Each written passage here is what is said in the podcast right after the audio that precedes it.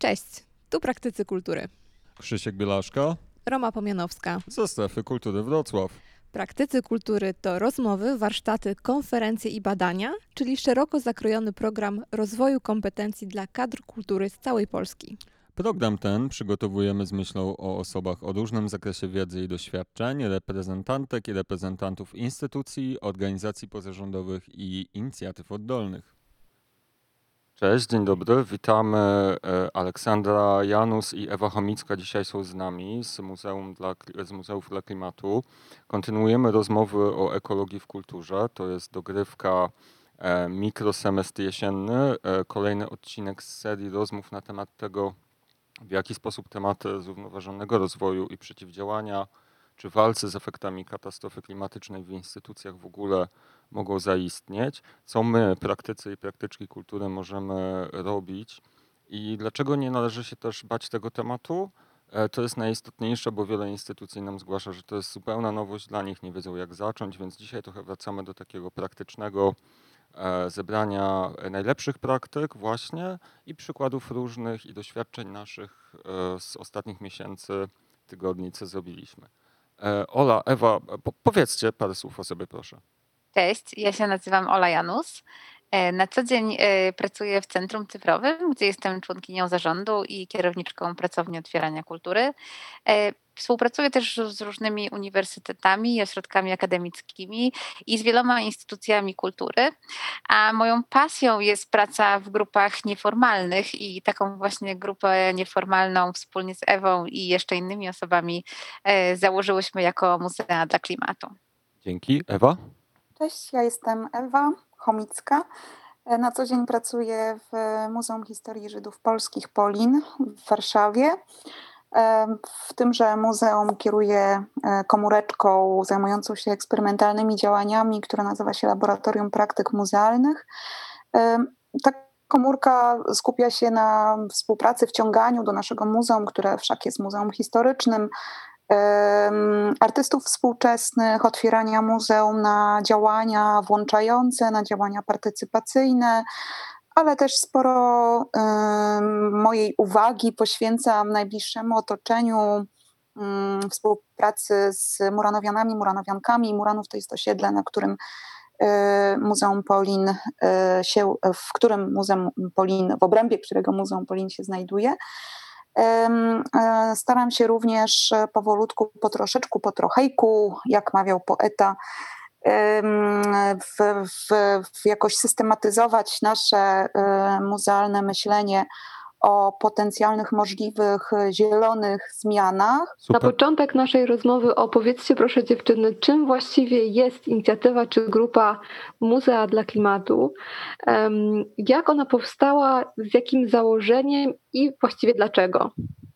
E, Grupa Muzea dla Klimatu to taka nieformalna grupa, którą, która powstała ze spotkania nie tylko mojego i Ewy ze sobą, bo znamy się dłużej, ale także naszego spotkania z Izą Kaszyńską i Olą Jach, które poniekąd pojawiło się na skutek działalności, którą Iza Kaszyńska z ramienia Muzeum Sztuki e, Nowoczesnej e, prowadziła w Parku Rzeźby na Brudnie gdzie podejmowała te wątki i tematy klimatyczne. My się tam spotkałyśmy w takim kontekście debaty i właściwie z tego spotkania, bo jakby wyłoniły się nasze kolejne spotkania i metodą kuli śniegowej z tych spotkań wyłoniła się, się grupa czy inicjatywa Muzea dla Klimatu, która w tym momencie mm, ma taką formę cyklu spotkań otwartych, które prowadzimy online dla wszystkich osób zainteresowanych tymi zagadnieniami. To znaczy, mamy w tytule muzea, ale mówimy absolutnie do wszystkich, którzy chcą tego słuchać, nie tylko do muzealników i muzealniczek. Więc to jest ten cykl spotkań, który organizujemy i o kolejnych spotkaniach można się dowiadywać z, naszego, mm, z naszej grupy na Facebooku, ale też staramy się gromadzić osoby zainteresowane tematem i zachęcać te osoby do wymieniania się wiedzą, wymieniania się inspiracjami i dzielenia się dobrymi praktykami, żebyśmy wspólnie budowali jakiś taki rosnący zasób wiedzy na temat tego, jak można zmieniać praktyki codzienne e, i sposób działania instytucji kultury w dobie kryzysu klimatycznego. Ja mam tutaj od razu takie pytanie o aspekt e, sieci, bo trochę e, ta grupa oddolna, inicjatywa oddolna, którą prowadzicie w sieć się już trochę nieformalną przekuwa. Nasze doświadczenie z Romą też jest takie, że w pewnym momencie te inicjatywy oddolne wewnątrz instytucji i organizacji, mm, jakby kończy nam się trochę zasób informacji specjalistycznych, specjalistycznej, E, kończy nam się zasób narzędzi i wtedy szukamy bardzo często też e, pomocy ze strony organizacji pozarządowych zajmujących się edukacją czy rzecznictwem e, związanych ze zmianami klimatycznymi, czy też sięgamy po kontakty typowo akademickie w takim kierunku, aby jakoś jeszcze takie dodatkowe wsparcie merytoryczne E, otrzymać. Jak wy u siebie w swoim najbliższym otoczeniu, ale też w ramach e, grupy Muzea dla Klimatu postrzegacie taką międzysektorowość i właśnie współpracę w sieci? Czy to już o Muzeach dla Klimatu można mówić, że to jest taka powstająca powoli sieć wymiany informacji, czy bardziej wciąż myślicie o sobie jako takiej oddolnej grupie, która po prostu zbiera e, narzędzia, praktyki i służy wymianie wiedzy? Myślę, że to też się e, przepoczwarza e, w zależności od tego, co się wydarza w naszej grupie, też w zależności od zmieniającej się rzeczywistości, bo kiedy spotkałyśmy się mm, w te cztery, powiedzmy, założycielskie osoby, które tu Ola wymieniła, tak naprawdę nasza idea, żeby założyć nieformalną grupę, wyniknęła z poczucia niedosytu. Z poczucia niedosytu, związanego z, z, z, z tym, że mm, gdzieś czujemy, że nie jesteśmy y, y, samotnymi wyspami, że znamy wiele innych osób, które y, interesują się tym tematem, ale które odczuwają właśnie brak narzędzi, brak nie wiem, siły rażenia, brak przekładalności tych swoich potrzeb i jakichś diagnoz związanych z możliwościami, jakie leżą e, w instytucjach kultury. E, I e, nasza idea wyjściowa mm, polegała na tym, że chciałyśmy po prostu założyć taką sieć warszawską, natomiast pandemia przyczyniła się do tego i akurat tu bardzo dobrze, że tak się stało, uważamy, w sensie nie, że pandemia, ale bardzo dobrze, że e, zostałyśmy zmuszane do tego, aby e, organizować te spotkania w przestrzeni wirtualnej, ponieważ w ten sposób mamy szansę i zaprosić do wspólnej dyskusji i, i, i po prostu wspólnie zastanawiać się również z mniejszymi ośrodkami, nie tylko, nie tylko w przestrzeni nam znanej, w której na co dzień funkcjonujemy, bo tak naprawdę okazuje się, że wiele dylematów, wiele problemów, z którymi się mierzymy, wiele pytań, na które szukamy odpowiedzi, jest po prostu naszych wspólnych. Są to bardzo często bardzo praktyczne pytania e, z poziomu e, takiej po prostu praktyki codzien, codziennego życia instytucji, które, e, na które absolutnie spokojnie możemy szukać odpowiedzi wspólnie. Dlatego też Ola podkreśliła, i to jest ważne, że nasza grupa nazywa się Muzea dla Klimatu, ponieważ została stworzona przez osoby, dla których przestrzeń muzealna jest najbliższa, jest po prostu miejscem naszej bądź codziennej pracy, bądź e, licznych współprac.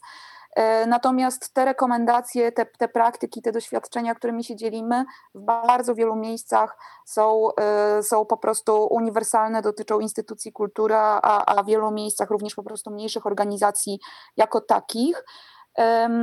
I dlatego uważamy, że to e, sieciowanie, wymiana wiedzy, e, która tak naprawdę e, w, w takiej polskiej przestrzeni, taka przynajmniej jest nasza diagnoza, może będę mówiła za siebie, moja diagnoza, że ta wiedza jest bardzo rozproszona, jest bardzo taka chaotyczna nie do końca y, y, wiadomo, gdzie są mity, gdzie są fakty y, i, i rozbrajanie też takich mitów związanych z, z tym, że, że, że, że ekologia jest, koniecznie musi być droga, że ekologia koniecznie musi wiązać się z bardzo dużymi nakładami finansowymi.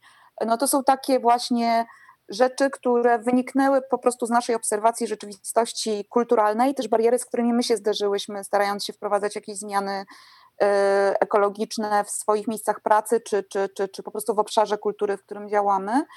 E, I staramy się to rozszczelniać, staramy się, e, staramy się wspólnie sobie pokazywać różne możliwości i działania, różne drogi, które, które można objąć w zależności, które można wybrać w zależności od tego, w jakim miejscu jesteśmy, jaką mamy w danym momencie sytuację, ponieważ te kroki mogą być bardzo różne, bardzo małe, ale w skali całej instytucji znaczące. Niekoniecznie to od razu muszą być panele fotowoltaiczne, chociaż oczywiście świetnie, gdybyśmy wszyscy sobie na nie mogli pozwolić. I, no i właśnie z takim przekazem spotykamy się, spotykamy się w tej grupie. Ta grupa facebookowa też służy temu, żeby po prostu dzielić się wiedzą. Traktujemy to jako taki otwarty zasób wiedzy praktyki związane z ekologizacją instytucji kultury to nie jest ani moja, ani Oli Janus, ani naszych dwóch pozostałych koleżanek jakby filozofia autorska wypracowana, to są rzeczy, które my też czerpiemy z rzeczywistości, ze spotkań, z wymiany myśli, z wymiany doświadczeń, z, z warsztatów, w których bierzemy udział. I ponieważ zmiany klimatyczne są wyzwaniem naszym wspólnym, a nie jednostkowym, nikt z nas nie wypracowuje tego jakby na potrzeby swojej własnej instytucji, czy na potrzeby realizacji swoich autorskich projektów czy pomysłów, tylko jest to nasze zadanie wspólne, nasze wyzwanie wspólne. W związku z tym uznałyśmy, że taka otwarta, otwarta baza wiedzy, do której zawsze można się odwołać, w której można się podzielić znalezionymi jakimiś ciekawymi praktykami czy inspiracjami, może być bardzo pomocna, a z zainteresowania, którym się cieszy y, ta grupa, y, mamy wrażenie, że, że, że jest też bardzo pomocna. E, bo rzeczywiście sporo osób e, z różnych ośrodków w Polsce mm, do niej zagląda i, i, i się do niej dołącza. Ewa, bardzo się cieszę, że wspomniałaś o tej różnorodności kultury, o tym, że ośrodki mamy zarówno duże i małe mm, instytucje kulturalne o różnym charakterze, różnym profilu działalności. E, I nas tutaj słuchać będą i słuchają też mm, bardzo różne grupy pracowników sektora.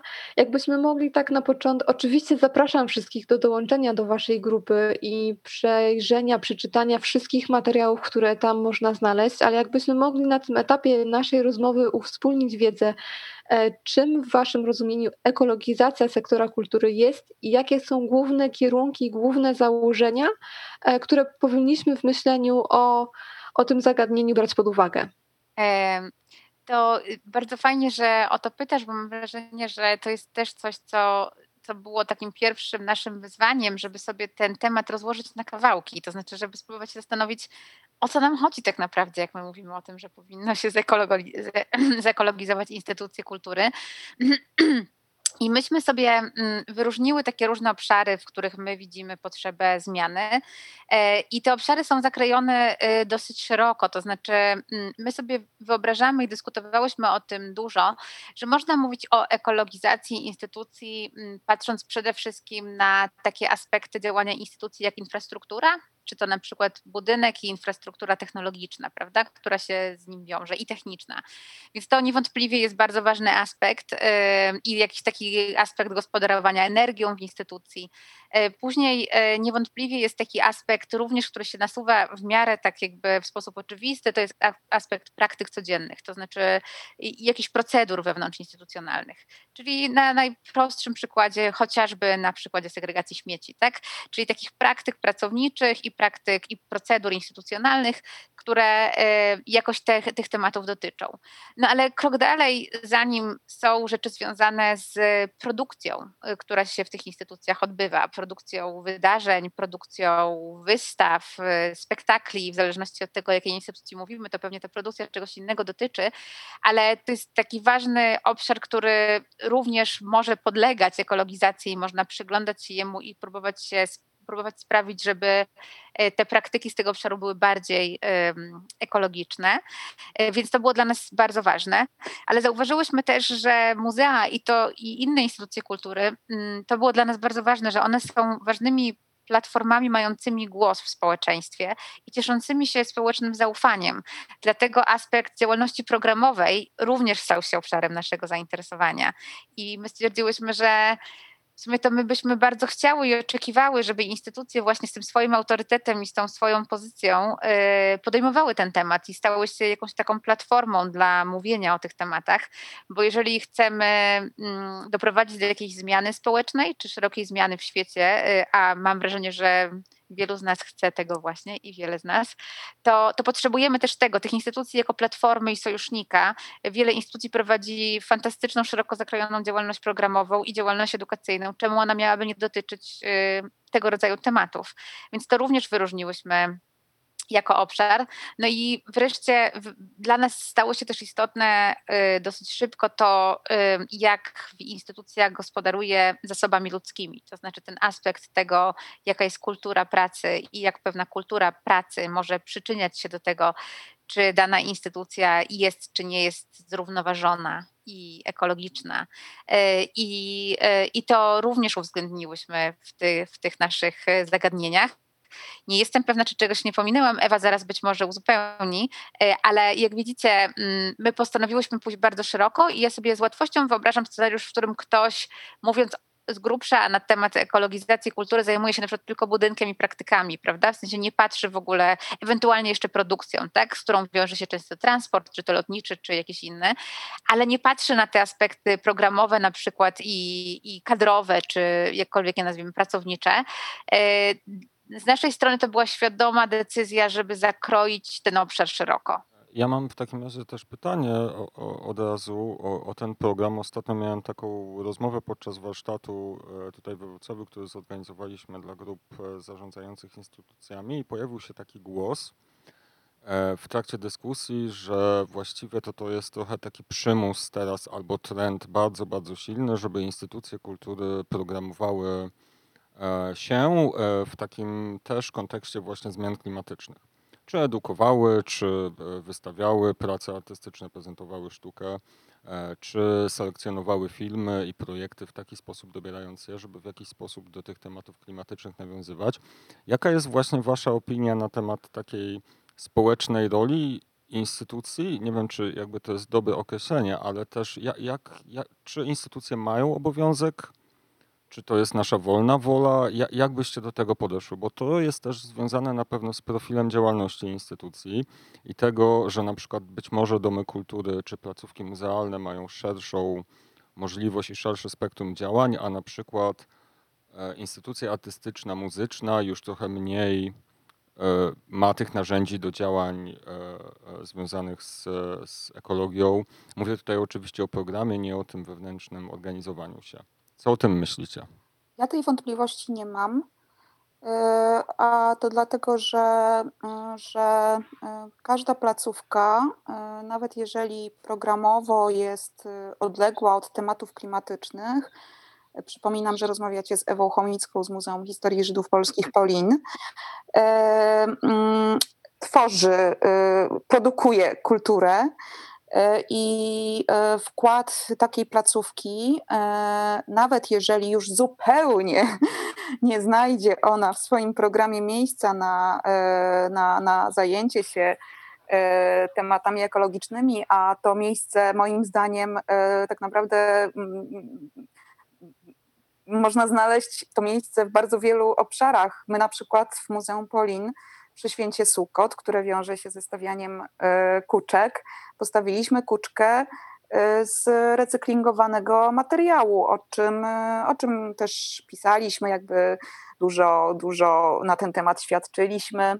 Ale załóżmy, że jakaś instytucja zupełnie nie znajduje takiego obszaru w swojej działalności, bo nie wiem, zajmuje się tylko i wyłącznie muzyką Chopina, wymyślam teraz, i po prostu no nijak, nijak się tego nie da połączyć, nie wiem, nie, nie ma pomysłu, nie ma, nie ma tutaj żadnego linku, e, no to y, z całą pewnością taka instytucja może się włączyć, a wręcz powinna moim zdaniem e, w, próbować e, się włączyć, przekierowując swoje myślenie na te aspekty właśnie produkcji wydarzeń kulturalnych, w jaki sposób, jaki ślad węglowy materiały, których używamy, nasze decyzje związane z transportem, nasze decyzje związane z cateringiem, w jaki sposób to wpływa na, na środowisko, e, albo chociażby właśnie te wspominane przez e, Ole obszary, jak praktyki codzienne instytucji, czyli w jaki sposób, nie wiem, zarządzamy wodą, światłem, papierem, drukami. No to są te rzeczy, które są dla nas wszystkich wspólne, niezależnie od tego, czy mieszkamy nie wiem, w Wałbrzychu, czy mieszkamy w Warszawie, czy mieszkamy w Gdańsku, e, czy też w zupełnie jakiejś małej miejscowości. Wszyscy staramy się promować swoje działania, wszyscy musimy wyprodukować wydarzenie, czy na mniejszą, czy na większą skalę, ale jednak tak. Wszyscy mierzymy się w takiej codzienności obszaru kultury z bardzo podobnymi wyzwaniami, podobnymi dylematami, które oczywiście mają swoje uwarunkowania odmienne w zależności od tego, czy jest to teatr, czy jest to muzeum, y, czy jest to filharmonia. Na przykład w większości instytucji kultury pozamuzealnych czy pozagaleryjnych nie dotyczy temat związany z konserwacją zbiorów. Konserwacja, która jest bardzo y, energochłonna y, i tutaj też jest cały trend nakierowany na to, w jaki sposób starać się to zrównoważyć no więc te wyzwania z pewnością nie będą dotyczyły Domu Kultury, albo prawie na pewno nie będą dotyczyły kultury, Domu Kultury, e, czy na przykład wyzwania związane ze scenografią, które stoją przed teatrami, w jaki sposób tutaj z kolei sprawić, żeby była bardziej recyklingowana, czy, czy, czy, czy przetwarzana, czy e, współdzielona z innymi teatrami, to e, ten sposób myślenia można by przełożyć na przykład na muzea, w jaki sposób my możemy w bardziej zrównoważony sposób myśleć o architekturze wystaw.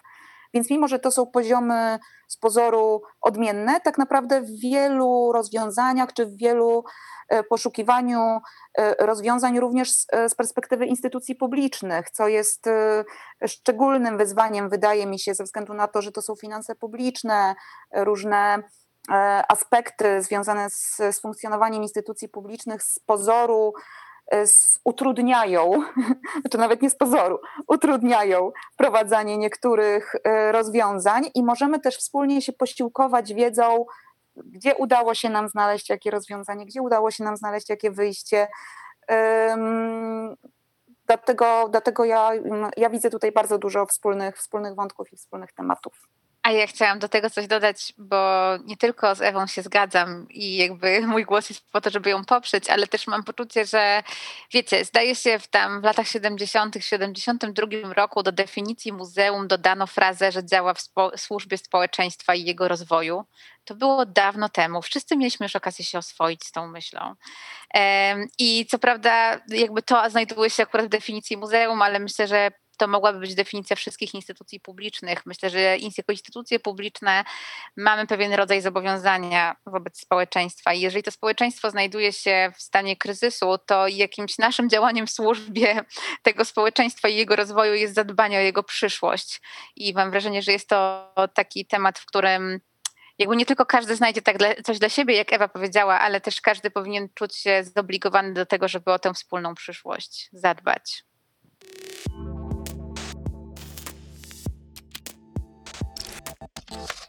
Ja bym chciał Was jeszcze zapytać o taki temat, który jest bardzo, bardzo aktualny teraz instytucjonalnie i wiem, że e, w kilku miastach ten temat bardzo mocno nagle zaczyna pojawiać się na powierzchni rozmów e, zespołów, e, grup inicjatywnych w poszczególnych inicjatywach, instytucjach, czyli utworzenie grup e, zespołów zielonych, e, międzydziałowych, interdyscyplinarnych, a czasem nawet pojedynczych osób, jeżeli mówimy o mniejszych instytucjach, zielonych oficerów, zielonych zespołów, osób, które tak naprawdę prowadzą w jakiś sposób, koordynują i, i być może też projektują wspólnie proces ekologizacji danej instytucji.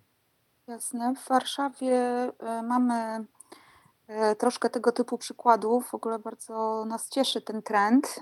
E, mamy też e, Mamy też swoją tutaj swoje osobiste zadowolenie, bo widzimy, że również pod wpływem tych spotkań tego typu inicjatywy się mm, rodzą i rozrastają, co jest super, jest świetnym właśnie efektem działalności i tych, i tych i tego wspólnego zrzeszania się wokół tego tematu. Więc jeżeli chodzi o, o zielone zespoły, w, w, z tych naszych rozmów w, w naszym gronie Muzeów dla Klimatu wynika, że te sposoby działania mogą być bardzo różne i też inicjatywność tutaj może wyglądać bardzo różnie, w sensie skąd właściwie wychodzi ten, e, ten pomysł. E, znamy e, kilka różnych przypadków. To może być albo inicjatywa odgórna, która później jest kolektywnie, że tak powiem, przez zespół muzealny realizowana, E, to może być e, po prostu e, oddolna inicjatywa pracowników i pracowniczek, którzy sami siebie powołują i działają oddolnie, starając się wprowadzać zmiany, co może być skuteczne w niektórych instytucjach. Ja z kolei dzielę się swoim doświadczeniem jako reprezentantki instytucji dużej i, i zhierarchizowanej, E, I e, ja przyjęłam e, inny sposób działania z tym tematem, ponieważ również w naszej placówce ten temat nie jest jakby pierwszą myślą, która się rodzi, kiedy się myśli o działalności, czym się powinno zajmować Muzeum Historii Żydów Polskich Polin. Więc, więc znając już różne dylematy, wiedząc, wiedząc, że tego typu inicjatywy wymagają jakiejś dłuższej, szerszej dyskusji, poważniejszej, E, w naszym e, gronie zarządczym e, no, starałam się po prostu wprowadzić te dyskusje na najwyższe, na najwyższe piętra, tak aby, aby po prostu kadra zarządcza mogła się przejrzeć w tym temacie i mogła się z nim utożsamić i, i właśnie odpowiedzieć też sobie na pytanie, dlaczego, dlaczego wyzwania klimatyczne są ważnym tematem, w, w którym my wspólnie, nie, nie ja jako jednostka, czy ktoś inny jako odrębna jednostka w naszym 180-osobowym zespole stara się na swoją mikroskalę e, wprowadzać zmiany, co oczywiście każdy i każda z nas starał się, znaczy każdy i każda z nas, kto jest zainteresowany tym tematem, starał się na swój sposób to robić i realizować. I to też nie jest tak, że ten temat e, ekologii był kompletnie nie, nieobecny. Natomiast y, przyznam, że dla mnie osobiście poziom, y, y, na którym on się zatrzymał, był niesatysfakcjonujący, w takim sensie, że ponieważ Ola wspomniała o naszej filozofii myślenia o ekologizacji instytucji, czyli że myślimy o tym w szerszy sposób, mówienie o ekologizacji czy, czy, czy, czy, czy tworzeniu mm, zmianie e, infrastruktury czy praktyk codziennych pod kątem bardziej zrównoważonych praktyk, to jest taka dosyć, mm, dosyć e, oczywista, w sensie, że pierwsza myśl, która się pojawia, kiedy się mówi o ekologii. Natomiast mnie osobiście bardzo zależało, abyśmy pomyśleli o tym jakby bardziej całościowo, E, żebyśmy spojrzeli na ten temat troszeczkę z, z lotu ptaka e, i dlatego też e, zaproponowałam też na kanwie tych naszych, powiedzmy, pól, które sobie wypracowywaliśmy w ramach grupy Muzea dla Klimatu, takie cztery obszary. Uprościłam nieco ten, ten model, sięgając też do różnych innych warsztatowych doświadczeń. I zaproponowałam, abyśmy działali równolegle w czterech obszarach, czyli w tym zupełnie podstawowym, który jest E, jednocześnie mm, największym wyzwaniem na teraz i jest najpilniejszą rzeczą na teraz, czyli w jaki sposób wprowadzać zmiany e, w budynku, w infrastrukturze i w naszej po prostu e, codzienności, jeżeli chodzi o naszą bytność w budynku, i nasze przemieszczanie się po prostu ciał, ale też, ale też generowanie po prostu odpadów. I to, to, to jest jeden z obszarów, ale, ale bardzo mi zależało właśnie, żebyśmy równolegle, być może niekoniecznie w tak samo szybkich krokach, ale równolegle, abyśmy myśleli o tym zdrowym organizmie muzealnym. Ja sobie po prostu wyobraziłam to jako taki, e, jako taki e, schemat, że u podstaw jest ten zielony budynek i są praktyki codzienne instytucji, E, ale bardzo ważną tego odnogą, która gwarantuje zdrowe działanie tego całego organizmu, to jest po prostu zdrowy zespół, w sensie zespół, który się wspiera, zespół, który współpracuje, zespół, który nie traci czasu na, niepotrzebne procedury, zespół, który działa w równości, zespół, który działa w transparentności. Oczywiście mówimy teraz o typie idealnym, ale dlaczego by nie wyznaczać sobie właśnie takich, właśnie takich celów? Trzeci obszar to obszar, który też jest bardzo mi bliski, bardzo ważny, to jest dobrosąsiedztwo, czyli wzmacnianie świadomości w jaki sposób nasza obecność jako instytucji wpływa na e, najbliższe otoczenie e, i w jaki sposób z tym najbliższym otoczeniem, w sensie z sąsiedztwem, możemy współdziałać, aby e, minimalizować negatywny wpływ na środowisko. No i czwarty obszar, też niezwykle ważny, to właśnie w jaki sposób również my z pozoru zupełnie jakby działająca w innym obszarze merytorycznym y, instytucja, możemy te wątki ekologiczne wplatać do naszego programu i też możemy, i w jaki sposób możemy y, uprawiać, że tak powiem, rzecznictwo na rzecz różnych ekologicznych praktyk i na rzecz ekologicznych rozwiązań. Mm, żeby po prostu starać się o tym mówić, zwracać na to uwagę, nawet, nawet, na najmniejsze, nawet na najmniejsze rzeczy. To są takie cztery obszary, w ramach których zaproponowałam, żebyśmy myśleli o tej ekologizacji. No i tak jak właśnie opowiadałam Wam, opowiadałam e, na, na, na poprzednim spotkaniu Muzeów dla Klimatu, e, to na czym mi osobiście bardzo zależało, to aby w tej naszej e, gromadzie muzealnej wokół tego tematu zrzeszyć i skupić y, głosy osób, o których wiedziałam, że bardzo chcą działać w tym, w tym zakresie, a które gdzieś y, nie czuły siły przebicia, nie czuły, y, nie czuły, że ten ich głos jest usłyszany.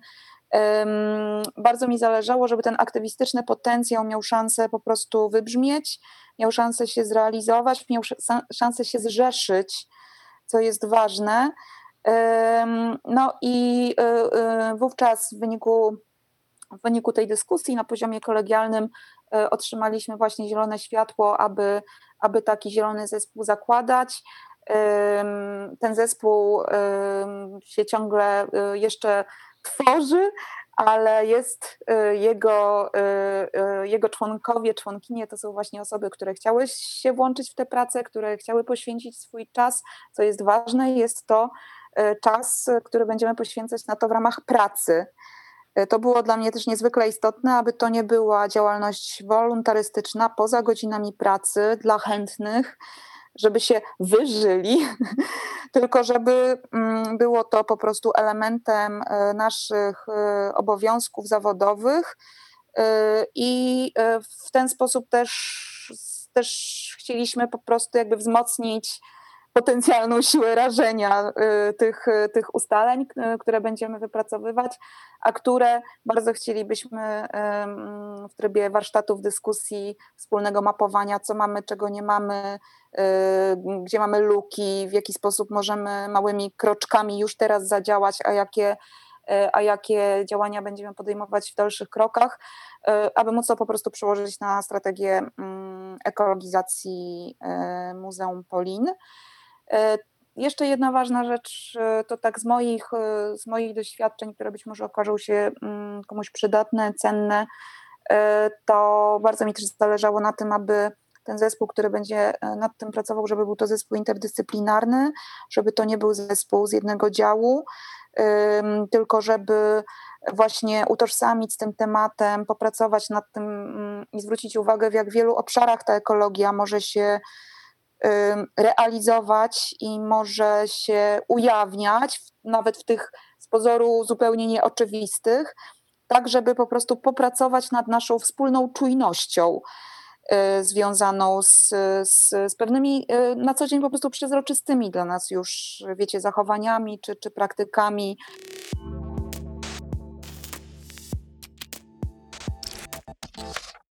Słuchajcie, to jak przejdziemy może sobie do jakiegoś takiego katalogu dobrych przykładów. E, fajnie Ewa, że się podzieliłaś e, tutaj opowieścią o swoim miejscu pracy, swojej instytucji, z której na pewno też warto, którą się warto zainspirować, której warto się przyjrzeć. Ja chciałabym zapytać i tak zastanowić się może wspólnie, Co z taką edukacją, może nie do końca edukacją, promowaniem postaw ekologicznych wśród i współpracowników, i też wśród odbiorców? Może znacie jakieś ciekawe przykłady tego, jak można publiczność, uczestników kultury, naszych odbiorców skłonić do tego, żeby w takiej codzienności swojej, czy też w funkcjonowaniu, tym bardziej teraz, w bardzo osobliwych okolicznościach, e, jak właśnie te postawy ekologiczne wzmacniać i promować. E, ja mogę przytoczyć e, jeden przykład z naszego warszawskiego podwórka i trochę się od niego odbić może e, dalej, bo mm, bardzo intensywnie na tym polu takich mikrozmian, ale też informowaniu o tych mikrozmianach, które się dzieją w instytucji swojej publiczności działa Zachęta, Narodowa Galeria Sztuki. E, oni niedawno zrezygnowali z papierowych zaproszeń, ale gdy to robili, na przykład to ostatnie zaproszenie informowało, które ktokolwiek dostał, informowało o tym, że jest ostatnim zaproszeniem i o powodach, które za tym stoją. A kiedy wchodzi się do zachęty, to na ekranie, który znajduje się w holu, można przeczytać, e, jak tego rodzaju zmiany wpływają na to, jak e, instytucja gospodaruje energią. I jest to przedstawione w bardzo taki przystępny, informacyjny, infograficzny, że tak powiem, sposób. E, I wszyscy ludzie, którzy stoją w kolejce albo czekają na kogoś, albo stoją w kolejce mm, do toalety, albo czekają na to, aż ktoś wyjdzie ze sklepu, mogą się w ten ekran wgapiać i sobie to mm, poczytać, co myślę jest y, bardzo ważne i bardzo fajne.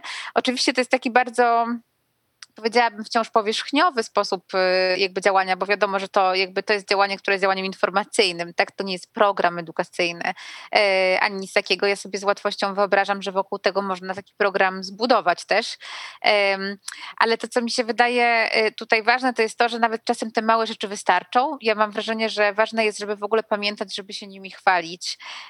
I to jest coś, co, o czym też sporo rozmawiałyśmy mm, w gronie Muzeów dla Klimatu i kilku innych instytucji, które zgłosiły się do nas po tym, jak my uruchomiłyśmy grupę, y, między innymi y, nasze koleżanki z Teatru Nowego w Warszawie, które również na tym polu intensywnie działają i które też podejmują próby nie tylko ekologizacji własnej instytucji, ale też właśnie nawiązywania dialogu z publicznością wokół tego rodzaju zagadnień. I, I, wiem, że na tym polu y, działają, wiem, że powstają spektakle, które właśnie mają y, scenografię z recyklingu i tak dalej, i to jest coś, co jest komunikowane. Y, wydaje mi się, że zatem oczywiście powinny iść programy. Ja w tym momencie muszę szczerze powiedzieć, że nie mam z tyłu głowy żadnej instytucji, którą, którą mogłabym przywołać, która taki program wokół tych tematów zbudowała. Być może Ewa coś doda, ale mam wrażenie, że powinniśmy jakby dbać o to od tego poziomu najniższego, od tego, że tłumaczymy naszym odbiorcom, po co to robimy, że jeżeli ktoś jest niezadowolony, że nie ma papierowych zaproszeń, to żeby rozumiał dlaczego, jakby czemu to, y, w jakiej to jest sprawie i czemu mm, wszyscy możemy się tym przysłużyć. No mi przypominają się mi przypominają się sporo tych działań, które y, gdzieś mm, wprowadzają y, ten komunikat albo w pewien sposób dotyczący ekologicznej świadomości albo w jakiś sposób projektują to, w jaki sposób mają działać artyści czy, czy artystki. Pierwszą rzeczą, o której, o której wspomnę, bo być może okaże się, że ona stanie się faktem, ale y, również my w naszej grupie mm, staramy się zmienić w pewnym sensie po polityki związane z tym, co jest punktowane, a co nie jest punktowane, na przykład w konkursach miejskich. E, I e, no, wszystko wskazuje na to, że, że jednym z kryteriów ocen kolejnych, kolejn, w kolejnych konkursach będą właśnie aspekty związane z ekologiczną produkcją wydarzeń kulturalnych. I to mm, zależało nam na tym, żeby też przełożyć myślenie o ekologii z takiego wymiaru symbolicznego na bardzo po prostu praktyczny, na bardzo mający bardzo konkretne konsekwencje dla twórców, żeby oni też w pewnym sensie czuli się nie tylko zaproszeni, ale przekierowani e, na takie e, tory myślenia o tym, w jaki sposób tworzyć swoje produkcje, aby one były jak najmniej śladowęglowo emisyjne jak, jak najmniej zanieczyszczające, jak najmniej produkujące odpadów, etc., etc. Ale to taki przykład jakby z naszych gdzieś prób i usiłowań takich najnowszych. Natomiast jeżeli chodzi o praktyki instytucjonalne, no to nie wiem, no to chociażby zachęta Zdarza jej się, że, że w kolofonach związanych z, z, z wystawami E, informowała o tym, że, że ta architektura została wykorzystana e, tam z wcześniejszej realizacji i tym podobne, i tym podobne. Na przykład Zachęta ma ten swój katalog architektury wystawienniczej, do którego, do którego starej, jakby wcześniej używanej, aby kuratorzy, kuratorki, artyści, artystki, którzy są zapraszani i zapraszane do nowych realizacji, byli w pewnym sensie, najpierw kierowali swoje myślenie na zastane, elementy, a dopiero później na tym budowali e, potencjalne konieczności, których, które nie są zastane. E, mm, w związku z tym też budując takie myślenie właśnie o przetwarzaniu i budując też świadomość związaną z tym, że ta nadprodukcja nie jest konieczna. A z takich innych przykładów e, pozawarszawskich, no to y, y, chociażby ten y, Teatr Szaniawskiego w Wałbrzychu, który też, który też dosyć fajnie rozwija te elementy związane ze scenografią taką modułową, która została zaprojektowana tak, żeby można było ją po prostu przetwarzać na kolejne, na kolejne spektakle. Ja bym do tego dodała tylko y, jedną rzecz, y, to znaczy, kiedy my się zastanawiałyśmy w naszym gronie, poszerzonym o inne instytucje, które do nas dołączyły i które z Muzeów dla Klimatu zrobiły inicjatywę Siostry Kultura dla Klimatu, to, to my się zastanawiałyśmy głównie nad tym, jak mo możemy mm, jakby edukować i dzielić się wiedzą z innymi przedstawicielami sektora kultury również. E, I my wyróżniłyśmy takie trzy główne sposoby działania, to znaczy wyobrażamy sobie taki program, który jakby jest trzytorowy i jednym pasmem są szkolenia po prostu.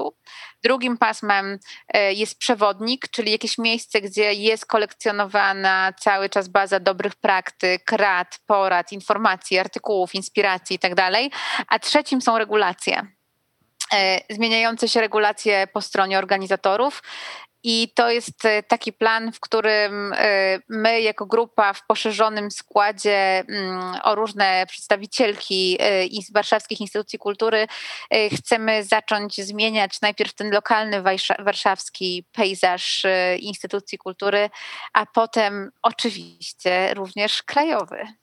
Ja do tych regulacji na chwilę chciałbym jeszcze wskoczyć, bo to jest hiperinteresujący temat, który się w większym zagęszczeniu i z większą bądź mniejszą siłą odbywa w kilku miastach w tym momencie wojewódzkich w Polsce i jakiś jest taki okres, w którym w każdym z tych miast e, są właśnie jakieś takie międzyinstytucjonalne, ale też często zakotwiczone w sektorze pozarządowym częściowo e, inicjatywy, e, które lobują i rozmawiają w urzędzie na temat tego, jak, e, jak mierzyć tak naprawdę mm, e, wpływ instytucji, czy w ogóle organizatorów kultury i beneficjentów e, e, grantów miejskich, dotacji i różnego rodzaju konkursów, jak mierzyć ich impact środowiskowo. E, I to jest też takie pytanie do Was, bo u nas na przykład we Wrocławiu jest tak, że wciąż część instytucji nie, nie znajduje odpowiedniego, dedykowanego im narzędzia, które pozwala im mierzyć pewne rzeczy takie jak na przykład właśnie ślad węglowy, czy w ogóle też nie mają po prostu zasobów ludzkich i finansowych, co jest troszeczkę też e, tożsame, żeby sprawdzać, ile tej wirtualnej wody nam przecieka między palcami dosłownie, kiedy produkujemy i sprowadzamy i kupujemy. Jak to w takim razie w, podczas Waszych rozmów i takiego wspólnego mapowania się w Warszawie wygląda? Czy też próbujecie wypracować jakieś narzędzie dla instytucji warszawskich, które pozwoli im mierzyć to, ale takie narzędzie tutaj bardzo konkretnie chciałbym powiedzieć, które jest szyte na miarę sektora kultury. E, fajnie, że o tym mówisz i cieszę się, że to mówisz, ponieważ to jest akurat coś, coś czego my nie robimy. To znaczy, bardzo nam się to przyda, ale myśmy, myśmy zaczęły trochę działać od innej strony. Zgadzam się z tym, że takie narzędzie jest bardzo potrzebne, podobnie jak pewnie szerzej również rozumiane badanie po prostu wpływu instytucji kultury, prawda? I na środowisko, i na na przykład społeczeństwo. Tak teraz to brzmi y, ogólnie, ale chodzi mi o taki, wiecie, impact społeczny, jaki instytucje mogą mieć. Y, myśmy zaczęły trochę od innej strony i to być może fajnie, bo się być może te różne wysiłki wobec tego mogą spotkać jako komplementarne y, w finale. To znaczy my zaczęłyśmy się zastanawiać i rozmawiać też z przedstawicielami miasta Warszawy na temat tego, jak możemy mm, pewne dobre praktyki w pewnym sensie zapisać w regulacjach, które którym instytucje podlegają, tak żeby tak jakby dobrym przykładem jest to, że parę lat temu, jak wiecie, do, był taki wysiłek, żeby do konkursów grantowych na poziomie Ministerstwa Kultury wprowadzić zapisy o dostępności rezultatów projektów na otwartych licencjach, prawda? Więc my trochę mm, próbujemy podążać podobnym tropem, to znaczy, żeby mm, instytucje, które chcą realizować projekty, y, czy podejmować działania, które są wspierane przez takiego organizatora jak miasto, jakby działały już w pewnych zakreślonych w pewien sposób ramach. E, I to nam się wydaje bardzo ważne i co jest być może istotne, żeby tutaj to nadmienić, to jakby w ogóle nie myślimy o tym jako o formie przymusu czy wymuszenia czegokolwiek na, e, na instytucjach. Bardziej wydaje nam się, że bardzo często instytucje potrzebują takich ram, żeby wiedzieć właśnie w jakich obszarach mogą się poruszać, z jakich narzędzi mogą skorzystać i tak dalej. I wydaje nam się, że tego rodzaju zapisy mogą się przyczynić do tego, że tam, gdzie dziś po prostu być może ktoś akurat o tym nie pomyślał, e, albo akurat nie ma w instytucji i zielonego zespołu, więc nikt nie ma tej perspektywy, e, tę perspektywę po prostu wprowadzić. To ja jeszcze z Enkawa jedno pytanie o waszą, wasze doświadczenia współpracy z ruchami aktywistów. I na ile instytucje się waszym zdaniem, i tutaj też wykraczając poza nasze poletko, czy jest to strefa kultury, czy centrum cyfrowe, czy Polin, e, jak e, obserwujecie sobie te otwierające się tak optymistycznie powiem, bramy instytucji na ruchy aktywistów i na takie oddolne totalnie i często też nie przebierające w środkach inicjatywy, zresztą bardzo słusznie, bo ten temat jest poważny i mamy niewiele czasu na reagowanie. E, czy widzicie taki trend i obserwujecie w Polsce w obiegu kultury instytucjonalnej i jak byście go skomentowały? Czy ja mogę jeszcze do poprzedniego y, wątku, a do tego zaraz wrócimy? E, bo ja nie do końca się z Olą e, zgadzam ku memu e, ku mojej radości, e, że my, że my nie staramy się wypracować takiego narzędzia, być może my inaczej związanego z zmierzeniem, powiedzmy, śladu węglowego instytucji. Być może my po prostu, Ola, inaczej myślimy o narzędziu. Kiedy Krzysztof... No właśnie, jak myślicie? Może kiedy Krzysztof wygenerował to słowo. Być może, być może po prostu każda z nas coś innego sobie wyobraziła. Mnie się wydaje, że dokładnie to robimy. E, tylko, e, tylko, że wydaje mi się, że właśnie dlatego, że staramy się to narzędzie dostosować do, e, do, do instytucji kultury i do obszaru kultury, to prawdopodobnie te nasze podejścia do wypracowania tego narzędzia są e, od innej strony niż by się mogło e, e, spodziewać, że, że będzie to jakiś prosty miernik. Nie ma, nie ma prostego miernika, ja tak uważam. Natomiast te, te, te rzeczy, które mi przyszły do głowy, kiedy zadawałeś to pytanie, to były dwie. Pierwsza, no to staramy się zwracać uwagę na to, że jeżeli tylko jesteśmy w stanie my jako instytucja zaprosić do swego, y, do swojej instytucji, do swojego budynku, do swojego zespołu e, osoby, które wykonują audyty ekologiczne, które posiadają różne y, narzędzia właśnie w swoich y, rękach, żeby zwiększyć tę naszą świadomość, żeby przyszpilić pewne dane, żeby zwrócić nam uwagę na pewne aspekty naszego funkcjonowania w instytucji i wpływu na środowisko, świetnie. Niestety audyty ekologiczne kosztują. E, no to są może nie tak strasznie duże kwoty, ale mm, moim zdaniem mogą być one e, e, po prostu barierą dla niektórych nie do przejścia. Na przykład dla nas, dla naszej instytucji w tym momencie byłaby to bariera nie do przejścia, ponieważ mamy kryzys pandemiczny, finansowy. Ja tylko wrzucę, że nie tylko audyty, przepraszam, ale i wdrożenia potem, e, jakby realizacja tych zaleceń, które w wyniku tych audytów e, się pojawiają.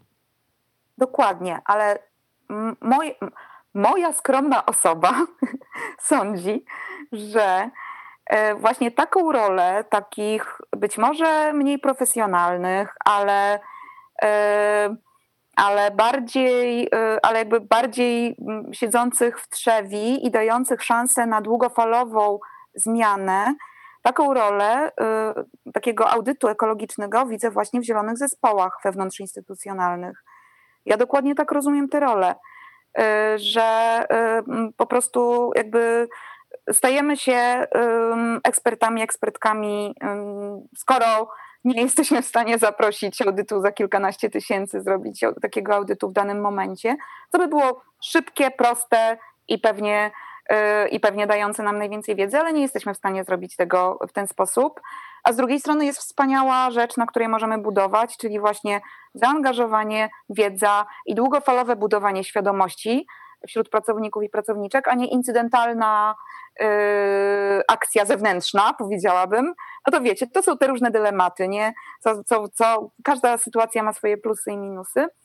Yy, I moim zdaniem, yy, i moim zdaniem dokładnie taką rolę audytu ekologicznego wewnętrznego może pełnić, mogą właśnie pełnić zielone zespoły, zieloni oficerowie, zielone oficerki i wszyscy inni zieloni.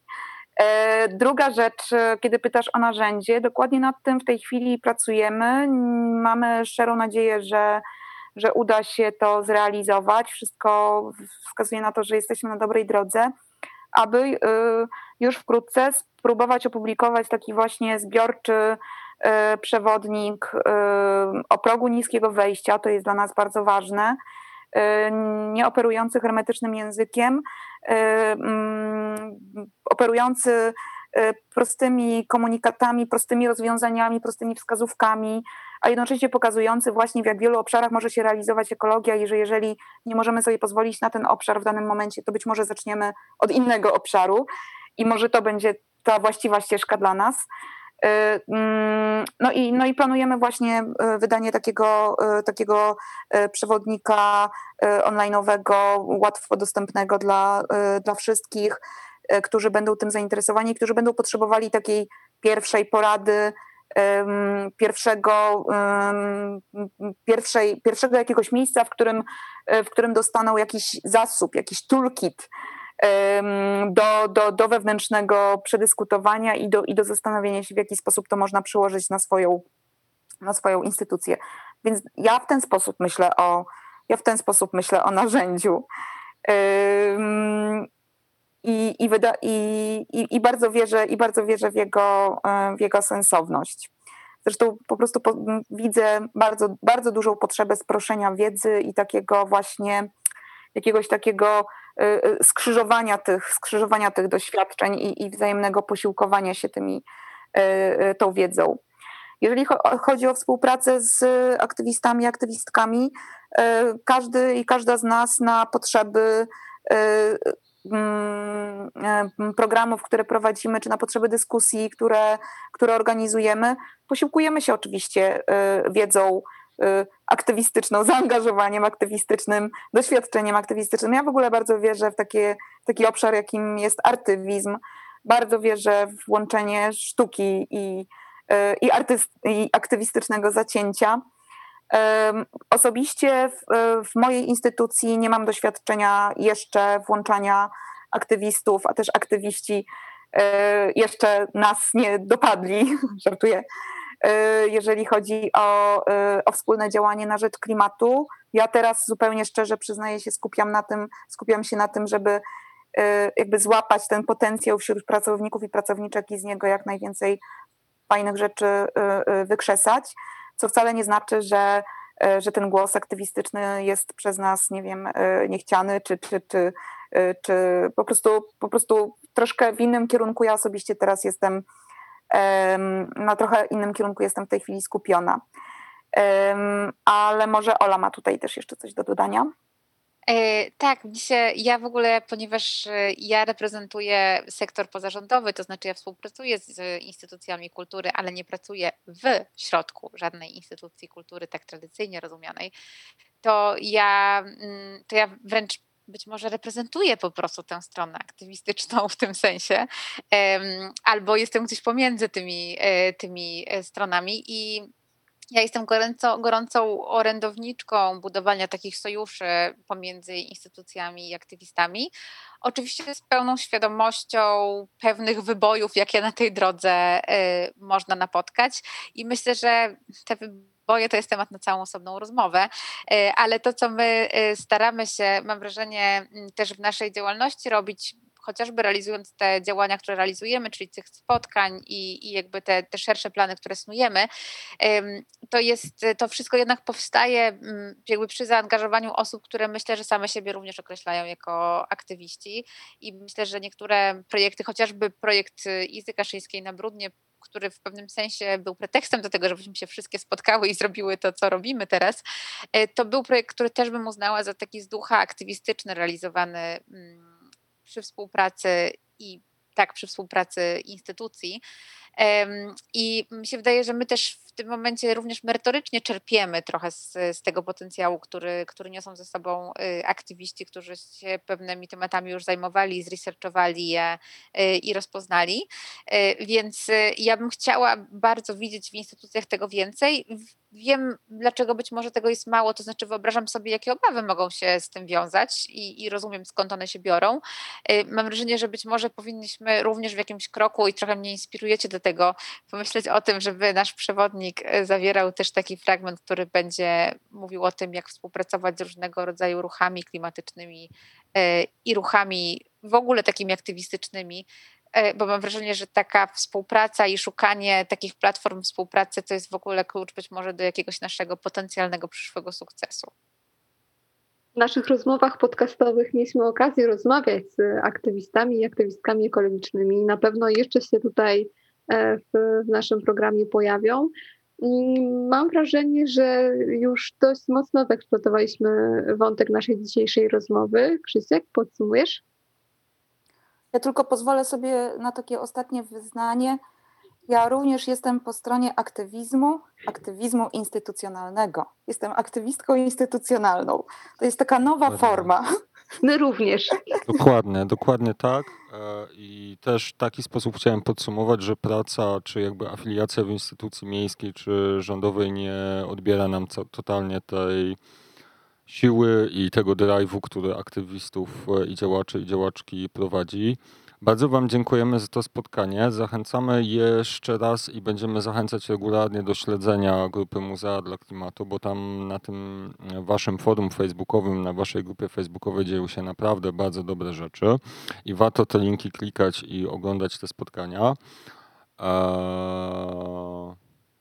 I dziękujemy Wam. To była super rozmowa.